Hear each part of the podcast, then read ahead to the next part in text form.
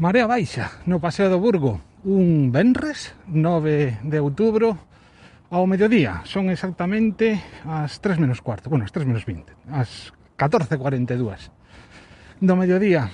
Por aquí con todos e todas vos de novo nun kilómetros de balde. Juan Ortiz Jordel en Twitter. Xa sabedes e se non o sabíades porque sodes novos por aquí por este podcast. Pois moitas grazas. Antes de nada E sabede que este é un podcast onde conto a miñas leiras Mentras camiño, normalmente polo Paseo do Burgo Ainda que ás veces o que fago é darlle unha volta a ría A pique xa de chegar o que é a ponte A paisar por embaixo da ponte da autopista Do viaducto da autopista Por unha ponta de madeira que hai xusto embaixo da, deste, deste viaducto.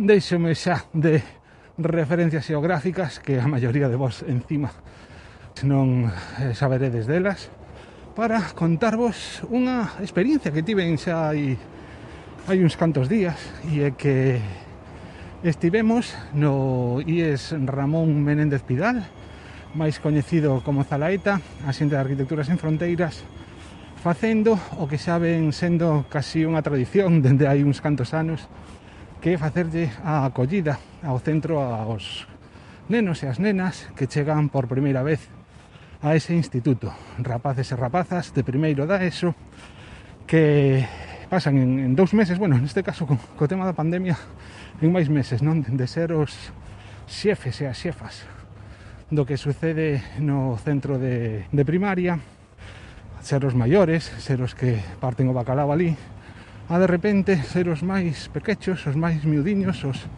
máis atemorizados os que se atopan nun centro novo con caras novas, con xente nova, moitas veces sen coñecer a xente. Bueno, a maioría das veces sí que xa van coñecendo al teñen amigos, vamos.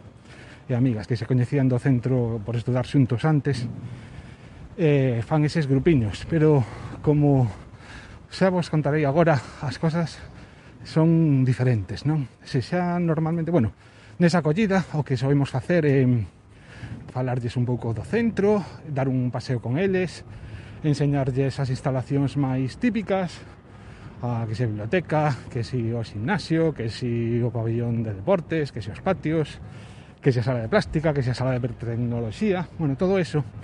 E a vez que um, facemos ese percorrido con eles, facemos tamén un pequeno obradoiro que consiste en ver que sensacións lles dan, como se sinten, Bueno, vai máis alá. Do, ten que ver directamente, obviamente, co hábitat que é o que traballamos en Arquitecturas en Fronteiras co que se van a topar moitísimas horas ao día durante uns cantos anos pero isto do hábitat non ten que ver única e exclusivamente co espacio físico senón con outras dimensións como poden ser as condicións necesarias, as condicións que debemos ter para que as nosas necesidades, as, as necesidades que teñen eles e elas nese instituto, sobre todo nese primeiro ano e sobre todo nese primeiro día, estean cumpridas. En, ten que ver moitas veces con inseguridades, con medos, con nervios, con ilusión, con expectativas, con moitas cousas. E todo iso o traballamos nese primeiro día que ven a ser unha introducción ao traballo que despois faremos se acaso con eles máis adiante se que é así, porque non podemos sempre traballar con todos os grupos. Pero bueno, ata aí. Ata aí, eso é o que facemos normalmente todos os anos, xa digo, dende hai uns cantos. O que pasa é que este ano foi distinto, porque claro, con este tema da COVID, todo foi...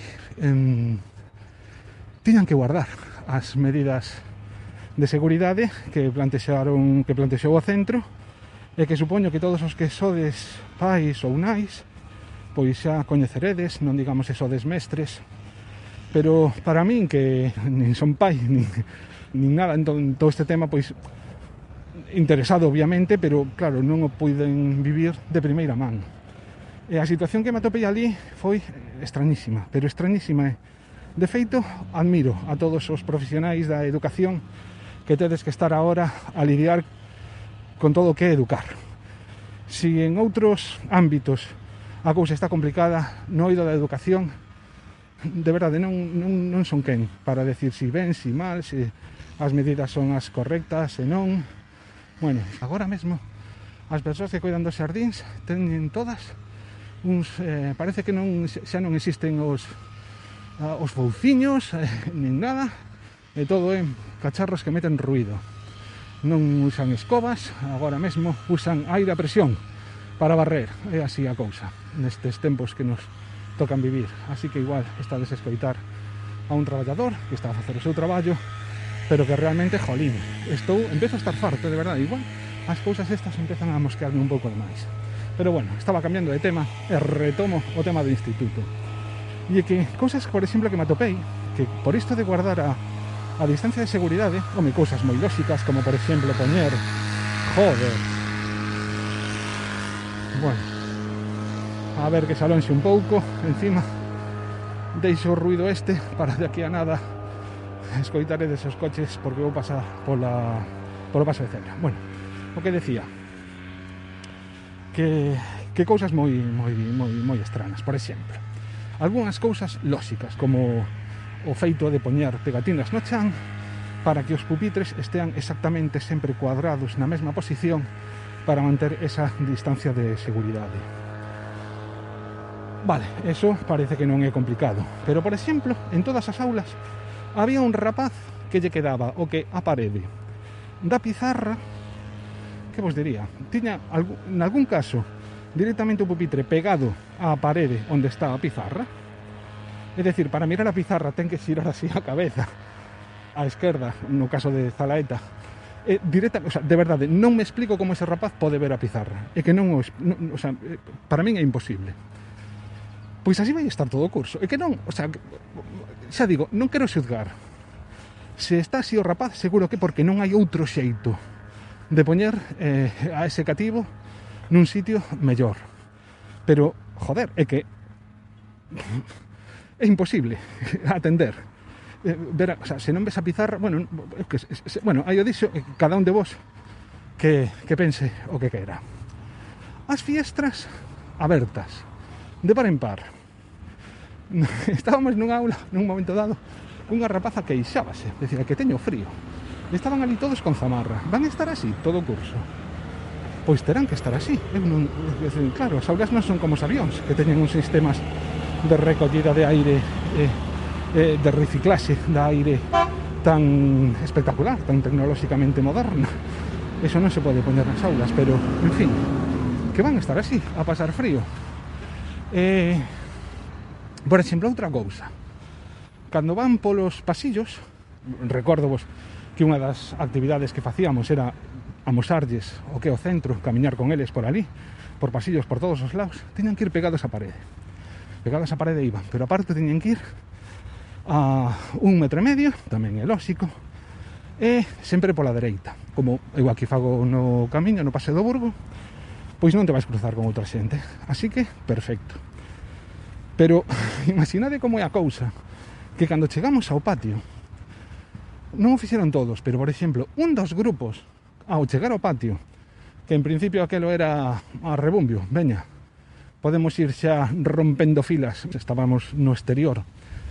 Eh, de outro xeito, pois exactamente igual. En fila de a un a metro e medio ao punto de que Marta, miña compañera, chegou a decir mirade, é que non me podo creer que esteades así. Agora mesmo xa non tedes por que guardar esa tal. Para eles era, levaban posto o piloto automático. E despois falando con eles, xa, falando deso, de como se sentían e tal houve un grupo que, que rompeu, rompeu así directamente e empezou a protestar, a protestar por todo. E decían cousas tan lóxicas como é que non é que saímos a, ao patio e non nos deixan estar cos nosos amigos. Nin porque eu son repetidor, decía, eu son repetidor. Non coñezo a ninguén dos que están aquí. Están os meus amigos ali e non podo ir falar con eles. Eu que sei, cousas que, que te chegan. Eh, non comprenden moitas veces Se a nós se nos fai difícil aturar determinadas incongruencias como que hai a xente que non poda sair de casa salvo a traballar, a traballar si que lle deixan que utilizando medios de, trans, de transporte as típicas incongruencias que nos estamos a atopar se a nós se nos fai difícil intentamos racionalizalas de algún xeito e pensamos en economía, pensamos en sostenibilidade do país pensamos en moitas cousas á hora de xustificar determinadas historias, eles non, non teñen esa eh, esa capacidade, non teñen a experiencia suficiente, non? Que queredes que vos diga? Que xa me parece que están a facer bastante mellor do que eu nun momento dado pensaba, non? Porque se despois resulta que saen a rúa e os atopas xogando como antes en mascarilla e todo iso, pois que queredes que vos diga? Ata incluso podo chegar a comprendelo porque non lle podemos exixir a mesma responsabilidade aos adultos que a xente que se está a formar como digo, nunhas condicións que claramente entendo que a educación ten que ser presencial se queremos que sexa democrática porque está claro que a formación non presencial non é igual para todos, en absoluto. Hai xente que nin sequera ten un ordenador na casa ou que teñen un ordenador para que traballe o pai a nai e os fillos estuden, é dicir, efectivamente, se queremos unha educación democrática ten que ser presencial, non sei realmente se os recursos que se están a empregar son os eh, claramente non son os necesarios. Non sei se nos podemos permitir o luxo de adicarlle máis ou menos. Dende a miña posición creo que son incompatibles ter seguridade frente ao virus cunha educación axeitada. Non se me ocurre ningún xeito realmente válido, aí está a cousa.